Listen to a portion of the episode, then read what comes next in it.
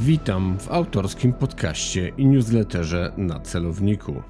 Co najmniej raz w tygodniu usłyszycie Państwo w podcaście, a dwa razy w tygodniu przeczytacie w newsletterze rozważania na temat bezpieczeństwa i jego zagrożeń, ze szczególnym uwzględnieniem terroryzmu oraz służb specjalnych. Bezpośrednio na Wasze skrzynki e-mail trafi przegląd mediów wraz z autorskim komentarzem. Zapraszam do stałego obserwowania podcastu oraz subskrybowania newslettera. Kieruj się w stronę podcastu na celowniku. Przy mikrofonie Artur Dubiel, Uniwersytet WSB Merito. Dzisiaj moim Państwa gościem w podcaście na celowniku po raz kolejny jest dr Michał Marek. Dzień dobry, Michale. Dzień dobry, witam serdecznie. Dr Michał Marek, przypomnę tylko z Centrum Badań nad Współczesnym Środowiskiem Bezpieczeństwa, wykładowca Uniwersytetu Jagiellońskiego, ekspert od kwestii dezinformacji, manipulacji, procesów sterowania społecznego, trochę chyba też Michale cybernetyki, tak, ale wszystko tak naprawdę dotyczące no, naszego sąsiada, jakkolwiek by go nie nazywać, Rosji. Tak jest. Przede wszystkim aspekt właśnie bezpieczeństwa informacyjnego, troszkę mniej y, cyberbezpieczeństwa, przede wszystkim to bezpieczeństwo informacyjne, ale właśnie wszystko, co dotyczy naszego sąsiada. Michale, minęło dobrze dwa miesiące od naszej poprzedniej, muszę przyznać, o tym nie wiesz, dość popularnej rozmowy w podcaście. Dobre 10 odcinków temu rozmawialiśmy na, na różne tematy dotyczące przede wszystkim Rosji, trochę też oczywiście Ukrainy, ale i bezpieczeństwa Polski. Stąd moje takie pierwsze pytanie. Czy zaobserwowałeś pewne zmiany przez te ostatnie dwa miesiące dotyczące chociażby, czy w ogóle całej strategii Rosji, czy być może wybranych taktyk, jakichś pojedynczych elementów? Co według Ciebie się zmieniło? Które punkty, czy raczej na które punkty Rosja większy nacisk położyła, a które może sobie odpuściła, bo się zorientowała, że jednak nie przynosi to pożądanego przez nią efektu? Oczywiście takich tendencji jest e, bardzo, bardzo dużo, ale skupmy się może właśnie na takich, które przede wszystkim dotyczą nas, dotyczą czy to polskiej infosfery, czy w ogóle kreowania obrazu Polski. I tutaj jednym z nich jest to, że strona rosyjska mocniej poszła w stronę narracji odnoszących się do kreowania Polski na zagrożenie dla Białorusi, zagrożenie dla pokoju w regionie. Oczywiście te wątki wcześniej się już przejawiały i to przejawiały się notorycznie w sposób intensywny, jednakże obecnie doszło do jeszcze większej intensyfikacji, do koncentracji na tym kierunku. I tutaj więcej uwagi poświęcono właśnie relacjom polsko-białoruskim.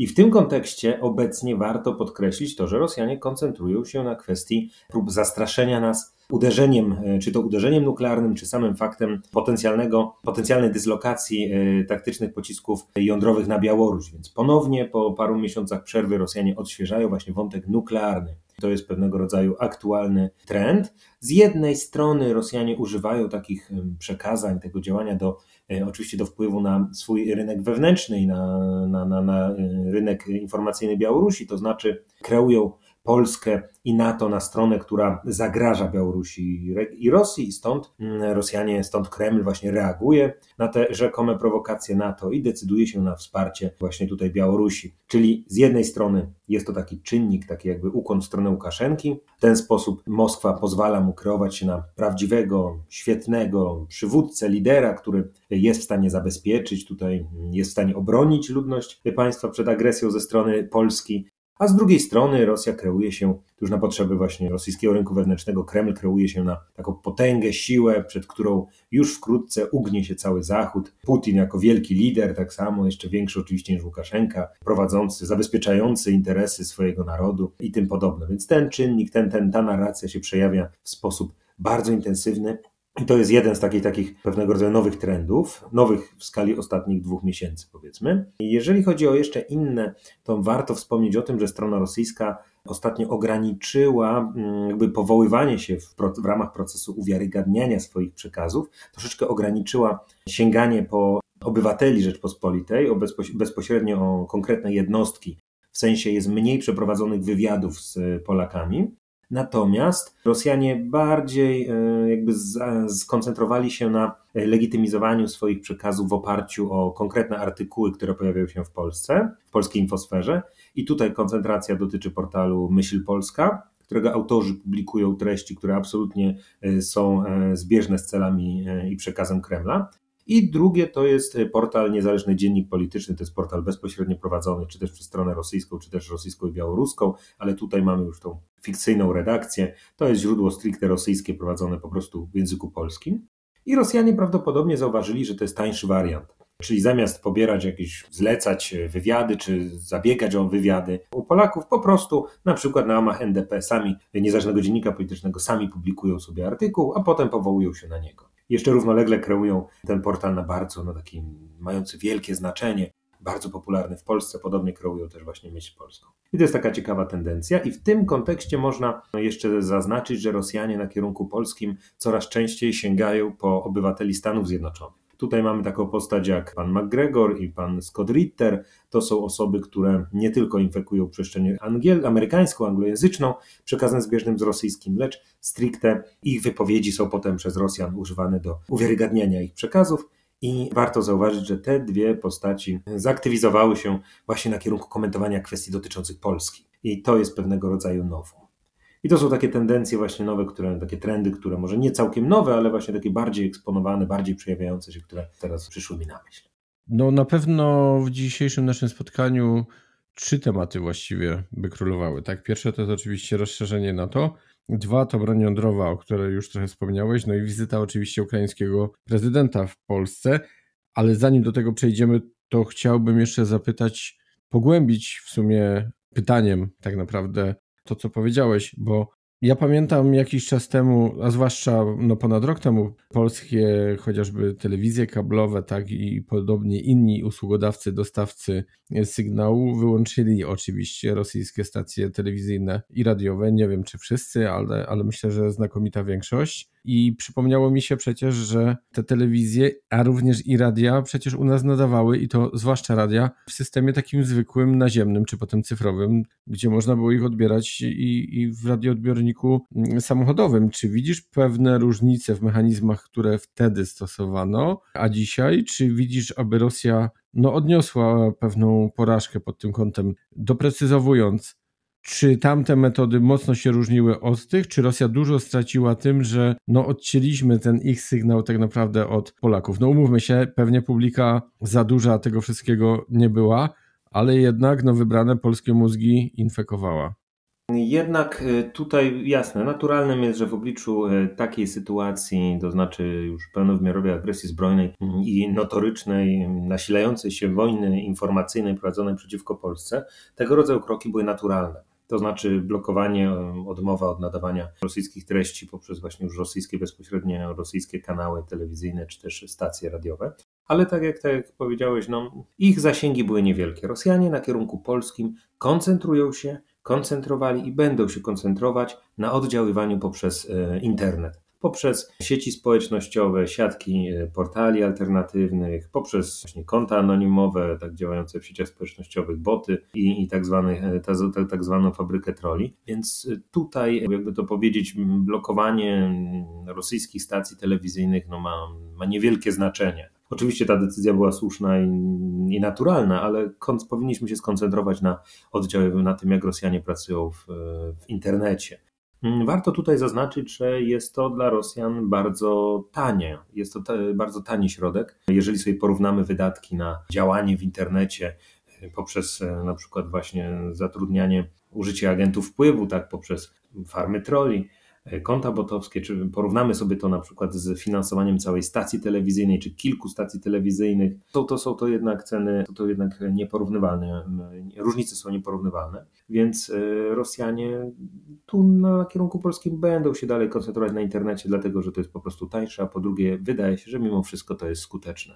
I warto e, zauważyć, że Rosjanom udało się w Polsce wytworzyć pewnego rodzaju trend dotyczący E, nastrojów e, antyukraińskich, antyrządowych w oparciu o niezadowolenie części społeczeństwa z, przekazywane, z poziomu przekazywanego wsparcia e, dla Ukrainy. I Rosjanie wytwarzając ten trend, udało im się zaktywizować właśnie tak zwanych koniunkturalistów, czyli osoby działające no w tym przypadku w Polsce, które, które nie mają nic wspólnego z Federacją Rosyjską, ale po prostu będąc być może nie, nieświadomymi pewnych, pewnych konsekwencji, będąc osobami, którym po prostu być może nie, nie zależy, nie, nie są świadomi powiedzmy, odpowiedzialności społecznej, czy też z różnych innych powodów, powielają treści zbieżne z rosyjskim e, przekazem dezinformacyjnym po to, aby w ten sposób zaistnieć w sieci, aby budować swój potencjał polityczny e, i tym podobne. I tutaj to jest pewnego rodzaju poważne zagrożenie, że Rosjanom udało się po prostu wspierać E, rozszerzać pewnego rodzaju ferment do takiego stopnia, aby obecnie dzisiaj mm, jedna z sił politycznych kandydujących do, e, obecnie do parlamentu mogła odwoływać się bezpośrednio do działań no, w przestrzeni informacyjnej są działania stricte prorosyjskie i na tym budować swój potencjał wyborczy. I na tej bazie istnieje ryzyko, że, już to ta siła wejdzie do parlamentu, więc to jest, to jest pewnego rodzaju e, bardzo niebezpieczne zjawisko i potwierdza to tezę, że Rosjanom przez internet udało się, poprzez oddziaływanie przez internet udało się doprowadzić do takiego stanu. I tu warto obserwować ten rozwój, rozwój sytuacji, ale jest to jednak niebezpieczne i tutaj niestety nie jestem optymistą. Myślę, że obaj chyba się zgodzimy, jako osoby związane z nauką, z edukacją, że no, łatwiej być kontrowersyjnym i wtedy dociera się do szerszej publiczności. Michale, szanowny, jeszcze jedna rzecz mi się tak naprawdę nasunęła, a o którą no, zdecydowanie powinienem zapytać. Mieliśmy ostatnio takie wydarzenie, jak tutaj trochę w cudzysłowie, rozbicie siatki szpiegowskiej. Tak. Czy tutaj udało Ci się też pewnego rodzaju, no nie chcę powiedzieć, że trendy, ale zauważyć być może pewne mechanizmy, jakieś właściwości, które miały miejsce w związku z tym wydarzeniem i w którą stronę to wszystko próbowało iść, ewentualnie jaki tego był odbiór?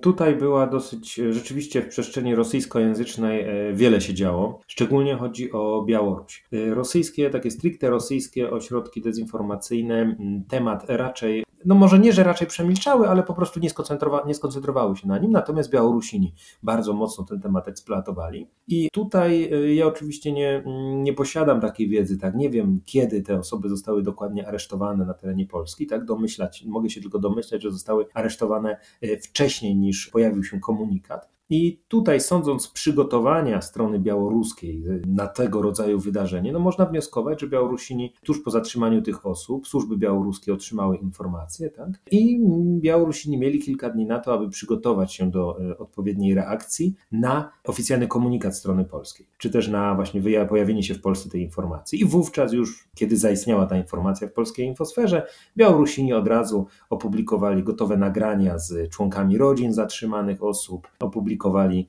materiały, które świadczą o tym, że po prostu Białorusini byli przygotowani na to. Być może byli świadomi, że prędzej czy później do takiej sytuacji dojdzie, to znaczy do zatrzymania ich danej siatki. Trudno tutaj już tak stuprocentowo orzec, ale na pewno po pierwsze koncentracja działań dotyczyła białoruskich służb i białoruskiej infosfery. Została wykorzystana przez Mińsk do tego, aby kreować Polskę na kraj, który jest zagrożeniem dla Białorusinów a to bezpośrednio e, zostało wykorzystane do kampanii propagandowej, która ma zniechęcić, która miała już, bo nam właściwie apogeum tej kampanii na razie został przeprowadzony, Rosjanie, Białorusini mogą do niej powrócić, ale na ten moment troszeczkę działania wstrzymano, to znaczy kampanii, która ma na celu ograniczyć chęć wyjazdów młodych Białorusinów do Polski czy to na studia, czy po prostu tak. A to dla Białorusinów, dla Mińska, dla, dla Mińska, dla obecnego reżimu jest poważnym problemem, gdyż po pierwsze młodzi, wykształceni Białorusini, Białorusini, którzy mają jakieś większe aspiracje, nie chcą przebywać na, na, na obszarze państwa rządzonego przez, przez Białoruś, państwa, które podległe jest Rosji, tylko chcą jednak, widzą swoje perspektywy na zachodzie.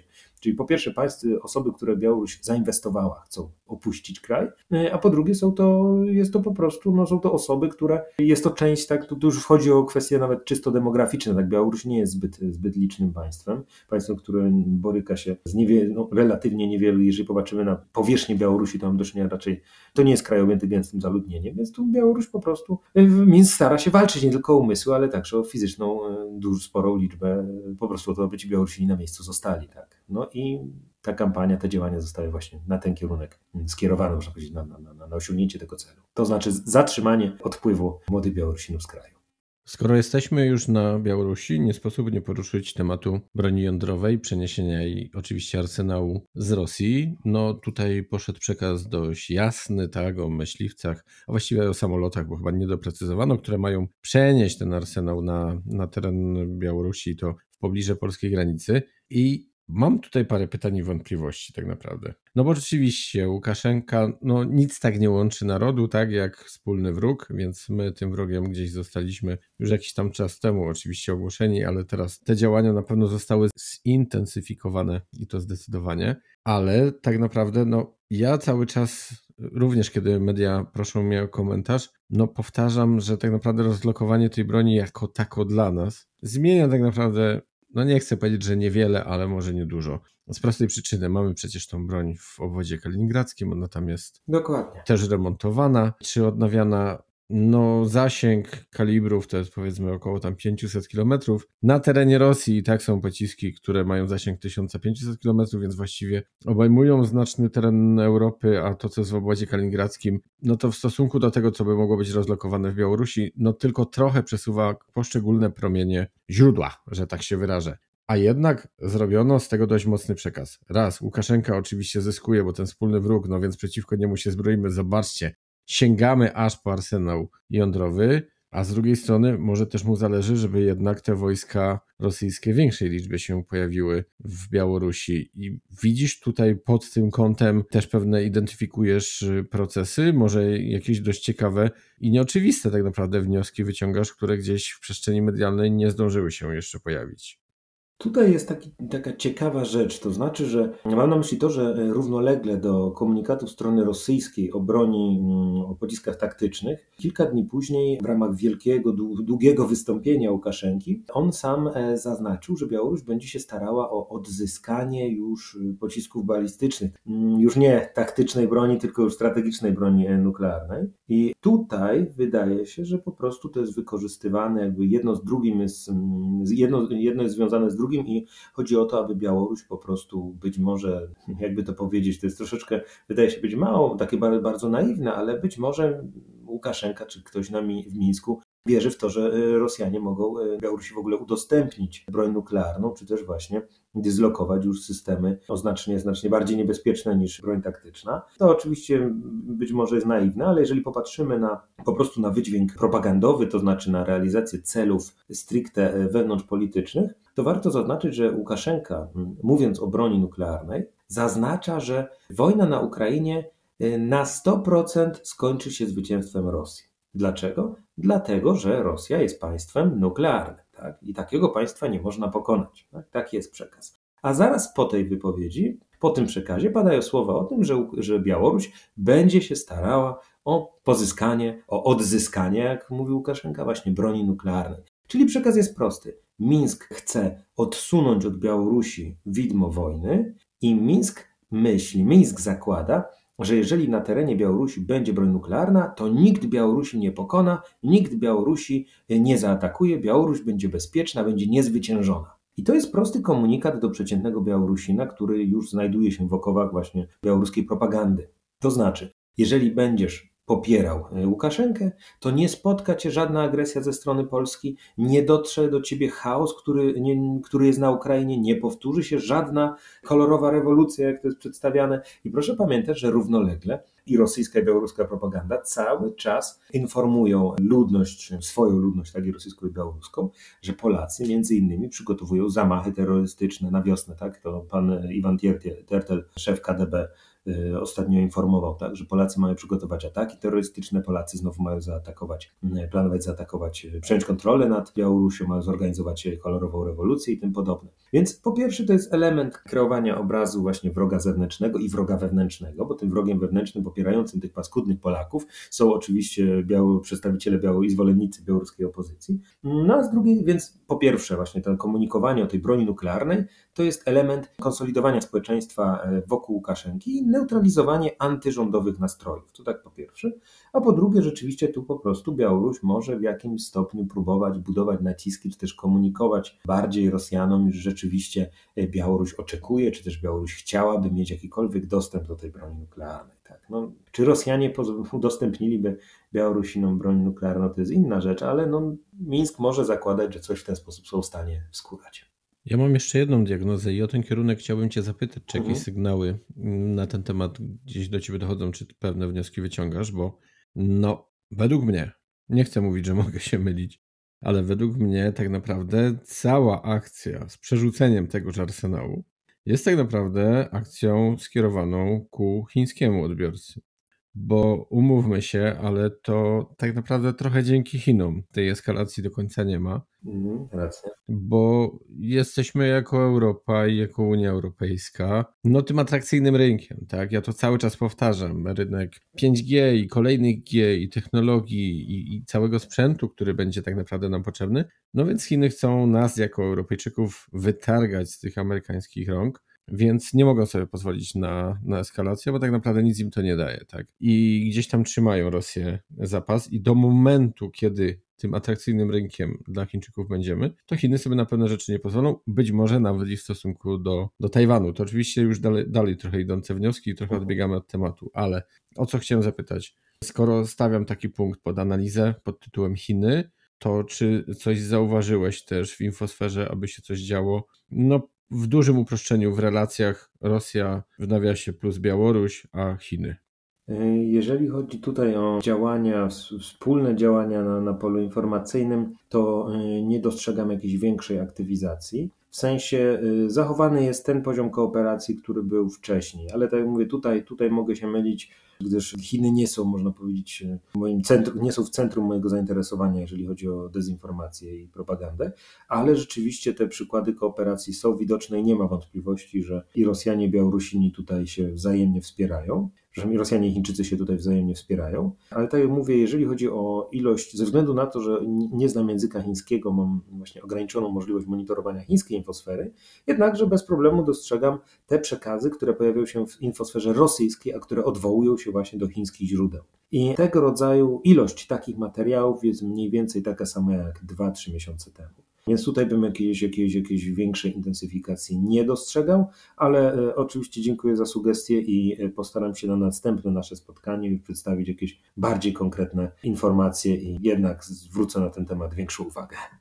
No, bardzo się cieszę, że mogłem coś zainspirować. Przy czym to też muszę dorzucić, że jednak pewnie to trochę jest inny poziom relacji. Już mi nie chodzi, kto jest ważniejszy, mniejszy, tylko że tu się odbywa gra trochę na wyższym poziomie, jeśli chodzi oczywiście o aparat państwowy, a w stosunku do nas to oczywiście no, atakowane jest społeczeństwo, tak więc stąd też mogą pewne różnice wynikać. A jak w kwestii rozszerzenia NATO? Tak, mamy już Finlandię w NATO, Szwecję niestety jeszcze nie. Przy czym moim skromnym zdaniem tak naprawdę priorytetem było, jakby nie patrzeć, wejście Finlandii, które no, granica dość długa, tak naprawdę pionowa, mówiąc w dużym uproszczeniu, i zamykająca Rosji pewne pole do, do manewru. Z drugiej strony, oczywiście, też otwiera nowe potencjalne ryzyka.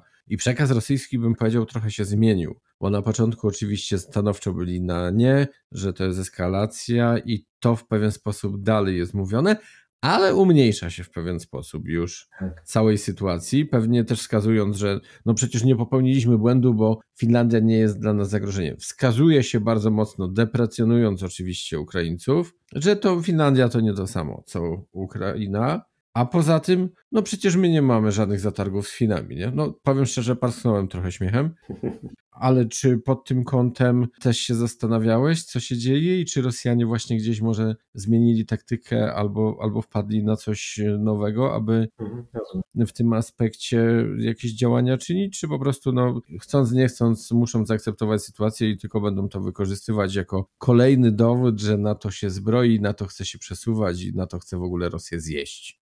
Tutaj nie doszło do jakichś zasadniczych zmian. Rosjanie starają się balansować pomiędzy z jednej strony właśnie ukazywaniem rozszerzenia NATO o Finlandię jako przejaw imperializmu amerykańskiego, imperializmu e, NATO, więc z jednej strony jest ten element kreowania właśnie e, wstąpienia Finlandii do NATO jako po prostu kreowanie tego na czynnik, który jest dla Rosji jakimś zagrożeniem, czy też po prostu jest czynnikiem prowokującym Rosję, jest czynnikiem antyrosyjskim, przejawem rusofobicznej polityki Zachodu, amerykańskiego imperializmu i tym podobne, ale jest widoczny właśnie balans pomiędzy tym, a pomiędzy deprecjonowaniem tej decyzji, to znaczy no, kreowaniem przystąpienia Finlandii do NATO jako po prostu czynnik nie mający większego znaczenia, czynnik, który właściwie dla Rosji nie ma znaczenia, tak, coś, co zupełnie nie wpłynie na, na zdolności Rosji do obrony. Więc to jest pewnego rodzaju właśnie Rosjanie starają się zachować balans, gdyż pamiętajmy, z jednej strony Rosjanie muszą pokazywać, no muszą, nie muszą, no starają się pokazywać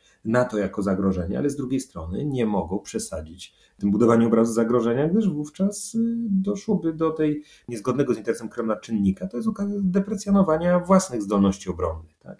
Więc wstąpienie Finlandii do NATO jest z jednej strony zagrożeniem dla Rosji, ale takim zagrożeniem ograniczonym, mm, taką po prostu kolejną prowokacją, z którą oczywiście Rosja sobie poradzi. Tak? tak to mniej więcej jest pozycjonowane i tak to mniej więcej było pozycjonowane wcześniej, przy czym e, różnica polega na tym, że rzeczywiście wcześniej Rosjanie dawali, poświęcali więcej uwagi temu wątkowi prowokacyjności NATO w tym kontekście, a teraz troszeczkę więcej temu, że to właściwie to nie ma tak zbytnio znaczenia.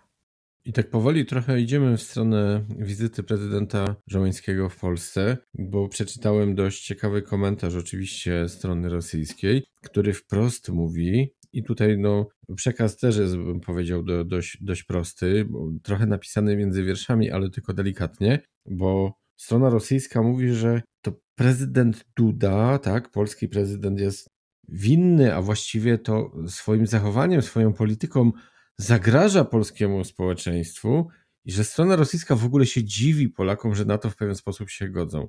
I ja widzę tutaj dwie takie linijki między wierszami.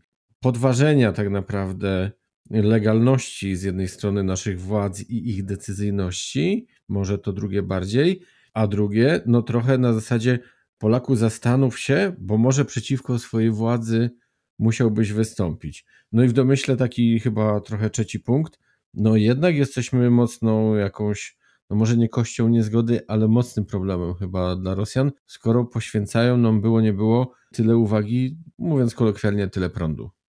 Tutaj warto się skoncentrować na przekazie, na rosyjskim przekazie emitowanym przez właśnie mm, rosyjskich agentów wpływu, czy też po prostu prorosyjskich aktywistów i rosyjskie polskojęzyczne ośrodki propagandowe. I tutaj rzeczywiście, jeżeli chodzi o to, jak y, Rosjanie i właśnie struktury, osoby, środowiska prorosyjskie pozycjonują wizytę, to wizytę y, Zaleńskiego, to przede wszystkim chodzi o deprecjonowanie obrazu Ukrainy, obniżanie, deprecjonowanie personalnie po prostu samego Zeleńskiego, obniżanie rangi wizyty i uderzanie w samą właśnie linię, e, czy też w sam rząd nasz i prozachodnie partie polityczne, czy właśnie w samą samą linię polityki. Czyli z jednej strony tutaj pojawiają się treści, iż Zeleński jest neobanderowcem, Zeleński jest nazistą, Zeleński przyjechał po to, aby wyżebrać od Polaków pieniądze, żeby nas okraść. Nasz rząd, nasza, że tak powiem, i prezydent i, i rząd godzi się na to, wspiera jakby działanie, które nie jest w tej, z tej perspektywy nie jest e, w interesie naszego państwa. Pojawia się dużo wątków właśnie o e, rzekomo powstającym wspólnym polsko-ukraińskim państwie, o równolegle wątek ukrainizacji Polski, tak, że tutaj na przykład ten wątek, że flaga polska, jak popatrzymy na, na, na budynek Pałacu Prezydenckiego, tam była raz flaga ukraińska po środku, raz polska po środku, żeby tutaj właśnie tak ładnie przyjacielskim gestem właśnie jakby pokazać, że te relacje są bardzo partnerskie, no to to jest przedstawiane jako zdrada, że to Ukraińcy są naszymi gospodarzami. No z drugiej strony y, Rosjanie y, mówią to samo, tylko tutaj ten wektor jest zwrotny, to znaczy, że y, Rosjanie twierdzą, że to Zeleński przyjechał do swoich panów, tak? Po to przyjechał Zeleński, aby sprzedać Ukrainę Polsce. No a Polacy są przekonywani, że to właśnie mm, prezydent Duda niemalże na, kol na kolanach oddaje Polskę Zeleńskiemu. Tak więc tutaj jest kontynuowane, są jakby uwiarygadniane te narracje, które przejawiły się, przejawiają się od wielu miesięcy, których wyrazem są działania środowiska związanego z doktorem Leszkiem Sykulskim, tak cała akcja Stop Ukrainizacji Polski, to nie nasza wojna.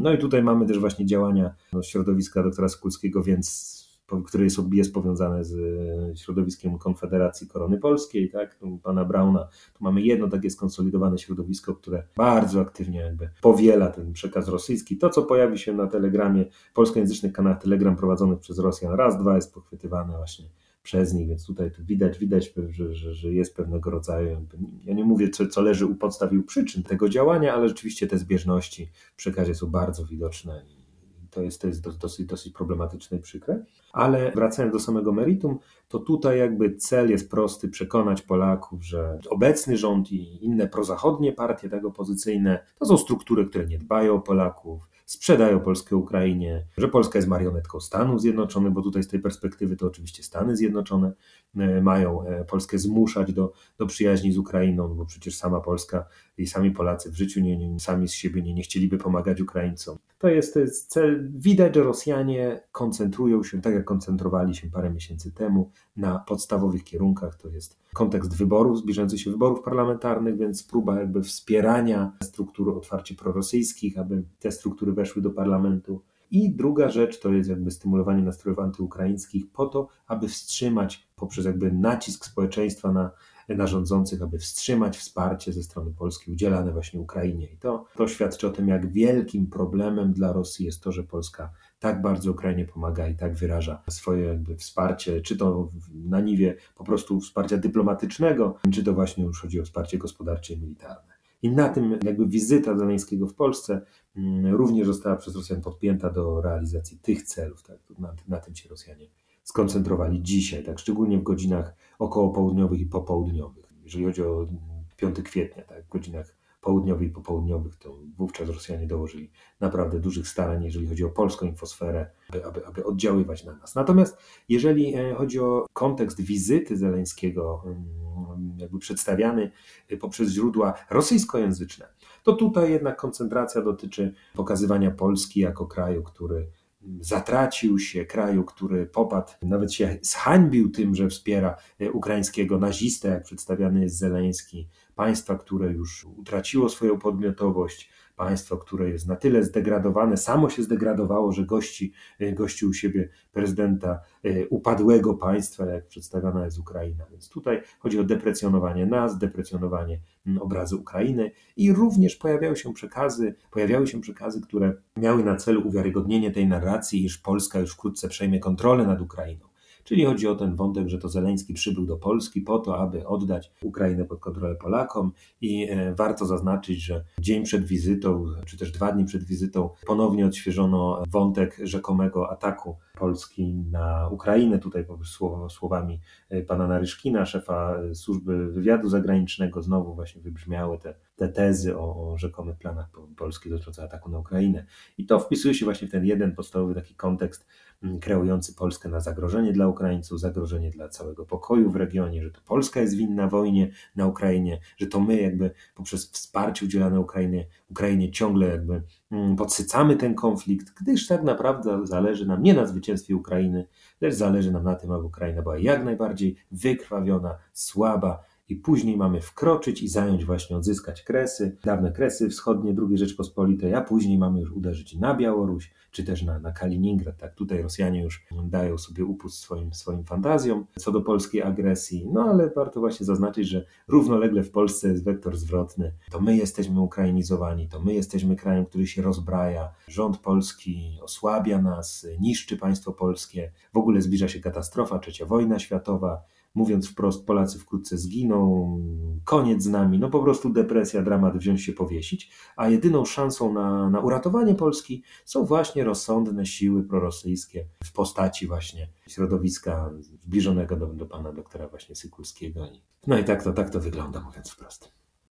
Michale, a biorąc pod uwagę ten, nazwijmy to problem skali, no bo z jednej strony możemy się wręcz śmiać, tak, że te przekazy, tak jak powiedziałeś, no fantazje już popuszczają wodze wręcz do granic możliwości, z drugiej strony niejednokrotnie na różnych kursach czy w innych miejscach mnie zawsze uczono dopasuj przekaz do swojego odbiorcy więc tutaj to też zapewne jest gdzieś dopasowane. I wydawałoby się, że do tak małej tak naprawdę ilości Polaków ten przekaz jest gdzieś tam dobierany, no bo umówmy się, no wyszliśmy już z tego jarzma i naprawdę nie jesteśmy narodem typowo rosyjskim, radzieckim, sowieckim, zwał jak zwał. Za dużo książek w tym aspekcie ostatnio.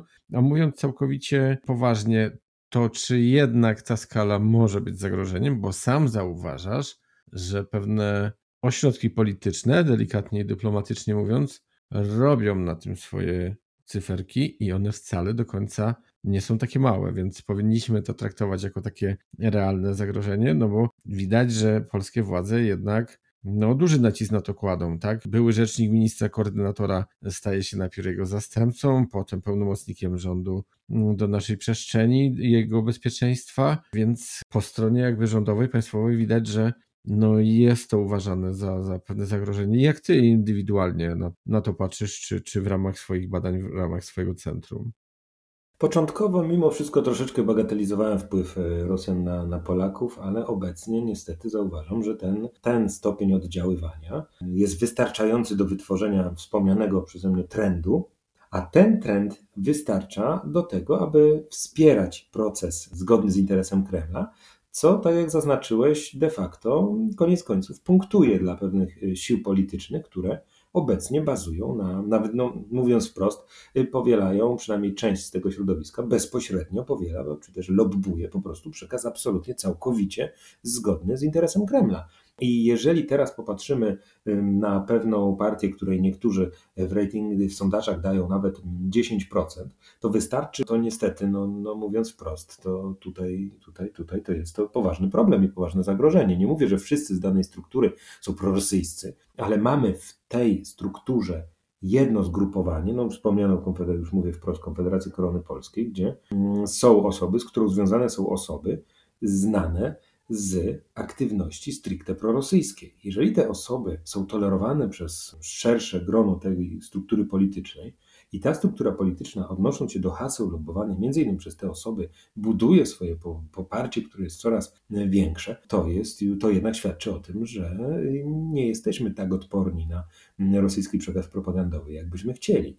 I jest to już poważne zagrożenie, gdyż jeżeli do naszego Sejmu uda się wprowadzić skonsolidowane zgrupowanie, i nie mówię tutaj o całości tego zgrupowania politycznego, w sensie nie mówię o całej Konfederacji, tylko o, jednym z jej, z jej grup.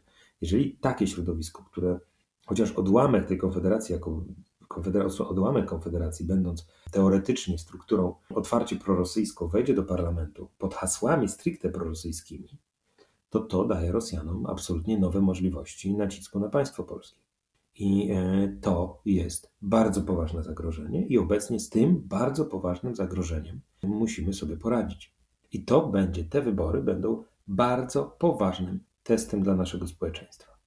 I tutaj jedyne, do czego można się odwołać, to po prostu do rozsądku naszego społeczeństwa, do tego, aby jednak analizować pewne, pewne przekazy, ograniczać emocje, zdroworozsądkowo podejść do oceny rzeczywistości, zdroworozsądkowo podejść do tych treści, które wpływają, mają na celu wpłynięcie na nasze emocje, które pojawiają się szczególnie w sieciach społecznościowych. Zagrożenie jest bardzo realne i niestety nie patrzę na przyszłość bardzo optymistycznie. Ale zawsze szansa jest, że wszystko będzie dobrze. Mówiąc trochę pół żartem, pół serio, i tak cię, Michale, zidentyfikowali, bo są świadomi twojej aktywności. Tak jest, absolutnie. I twoich badań w kierunku pewnych nazwisk i środowisk, ale ja bym w pewien sposób rozwinął to, co powiedziałeś, bo możemy mówić, że trzecia siła to może być nawet i siódma siła. Jeżeli tylko wejdzie i niech to się nazywa X, naprawdę, nie ma znaczenia. Pamiętajmy i co pokazuje też historia, tak naprawdę maleńka partia może rządzić. Dlaczego? No bo komuś może zabraknąć do rządzenia tak właśnie tak naprawdę paru szabel, więc będzie musiał wziąć pewnego koalicjanta, który też będzie stawiał, powiedziałbym, twarde warunki i może mieć wiele do powiedzenia, a przede wszystkim wiele, wiele może przekazywać. Wspomniałeś o wyborach, rozmawiamy tak naprawdę też poniekąd na ten temat. To czy według Ciebie, tak trochę na podsumowanie, już na sam koniec, zagrożenie przyszłości, to analizujesz pod kątem właśnie kolejnych wyborów, nie jednych wcale, czy widzisz jeszcze inne obszary, na które bardzo mocno musimy zwrócić uwagę? Przede wszystkim kluczowym w tej perspektywie wydaje się być oddziaływanie właśnie Rosjan pod kątem wpływu na preferencje wyborcze, co de facto oznacza próbę wtrącenia się Rosji w, całe, w cały proces demokratyczny tak, w państwie. Więc tutaj mamy do czynienia z, podobnym, z podobnymi działaniami, jak te, które analizowane były w Stanach Zjednoczonych po zwycięstwie e, Donalda Trumpa. I tutaj warto, warto rozważać te działania w tej kategorii, to znaczy w kategorii próby wmieszania się Rosji w procesy demokratyczne w Polsce. I to jest z mojej perspektywy bardzo, bardzo poważne zagrożenie.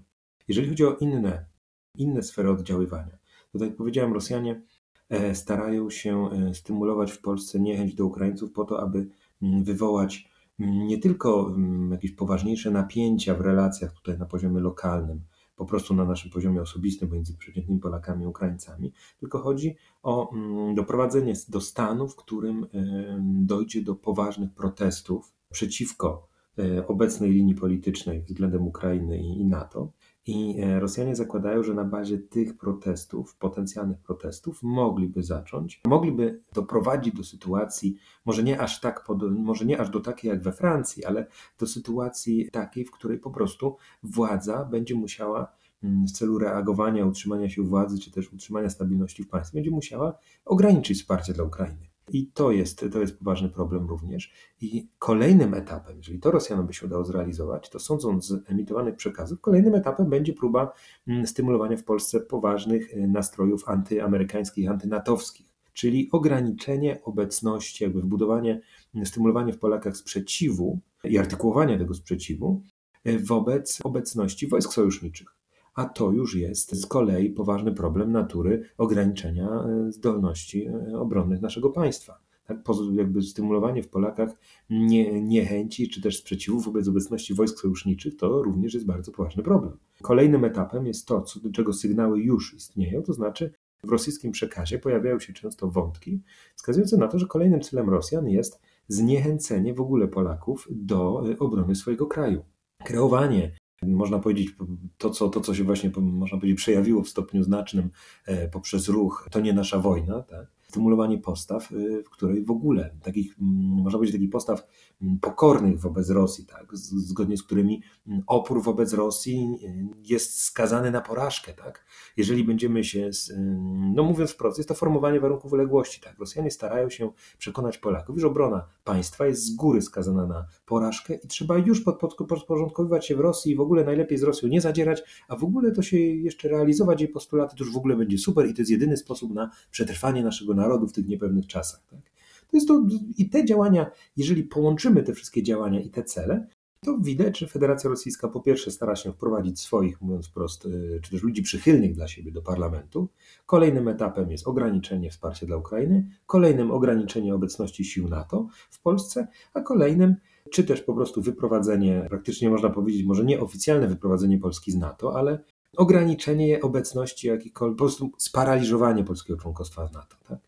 I Rosjanie powolutku, pomalutku pracują na tych kierunkach. Jeżeli zatrzymamy i zneutralizujemy e, w zarodku to działanie, czyli na tym pierwszym etapie, to i reszta się posypie. Jeżeli nie, no to będziemy musieli się skupiać na neutralizacji kolejnych kroków. Jakiś pozytyw już tak na naprawdę sam koniec? Pozytywem jest to, że przedstawiłem Państwu najgorszy i najciemniejszy wariant. Ale pamiętajmy, to jest tylko najgorszy wariant który, który tak jak wspomniane, y, wspomniane tutaj y, pewien wynik sondażowy, to jest tylko 10%, więc wydaje mi się, że jednak mimo wszystko przed nami jest pozytywny obraz i pozytywna przyszłość, ale jeżeli zbagatelizujemy to zagrożenie, a nie zneutralizujemy go w zarodku, no to niestety może być różnie, więc skupmy się, skoncentrujmy e, i wszystko będzie dobrze, bo jeżeli zbagatelizujemy, to wówczas pojawi się problem. Ale mimo wszystko może, może zbyt pesymistycznie rzeczywiście tutaj przedstawiłem Państwu e, rzeczy, rzeczywistość i, te, i, i owe zagadnienie, ale warto jeszcze wspomnieć o tym, że tak jak wspominana zresztą przeze mnie tutaj inicjatywa doktora Sykulskiego napotyka na poważny opór społeczny no, podczas organizowania na przykład przez to środowisko spotkań. Mm, często dochodzi do, mm, często e, osoby, które zgodziły się na wynajem e, sal na spotkania, rezygnują z tego tak pod wpływem e, naporu społecznego, więc widać, że do ludzi, ludzie są świadomi tych zagrożeń i że nasz, nasze społeczeństwo, mm, że to świadomość tych zagrożeń wzrasta i że społeczeństwo mimo wszystko jest gotowe do, do stawiania oporu. Więc jeżeli nie zbagatelizujemy problemu, to wszystko będzie dobrze. I mam nadzieję, że jeszcze więcej pozytywów uda nam się poruszyć następnym razem. Dzisiaj moim Państwa gościem w podcaście na celowniku był dr Michał Marek z Centrum Badań nad Współczesnym Środowiskiem Bezpieczeństwa, wykładowca Uniwersytetu Jagiellońskiego i autor książki Operacja Ukraina. Szanowny Michale, bardzo serdecznie dziękuję. Dziękuję bardzo za czas antenowy i za zaproszenie. Bywajcie zdrowi, bywajcie bezpieczni. Kieruj się w stronę podcastu na celowniku. Wszystkie odcinki podcastu na celowniku dostępne są w ponad 20 największych platformach podcastowych, a także w serwisie YouTube. Zapraszam także do subskrybowania newslettera na celowniku pod adresem nacelowniku.artur.tel. Jeśli doceniasz podcast i newsletter na celowniku, zapraszam do wspierania w serwisie Patronite pod adresem patronite.pl ukośnik na celowniku.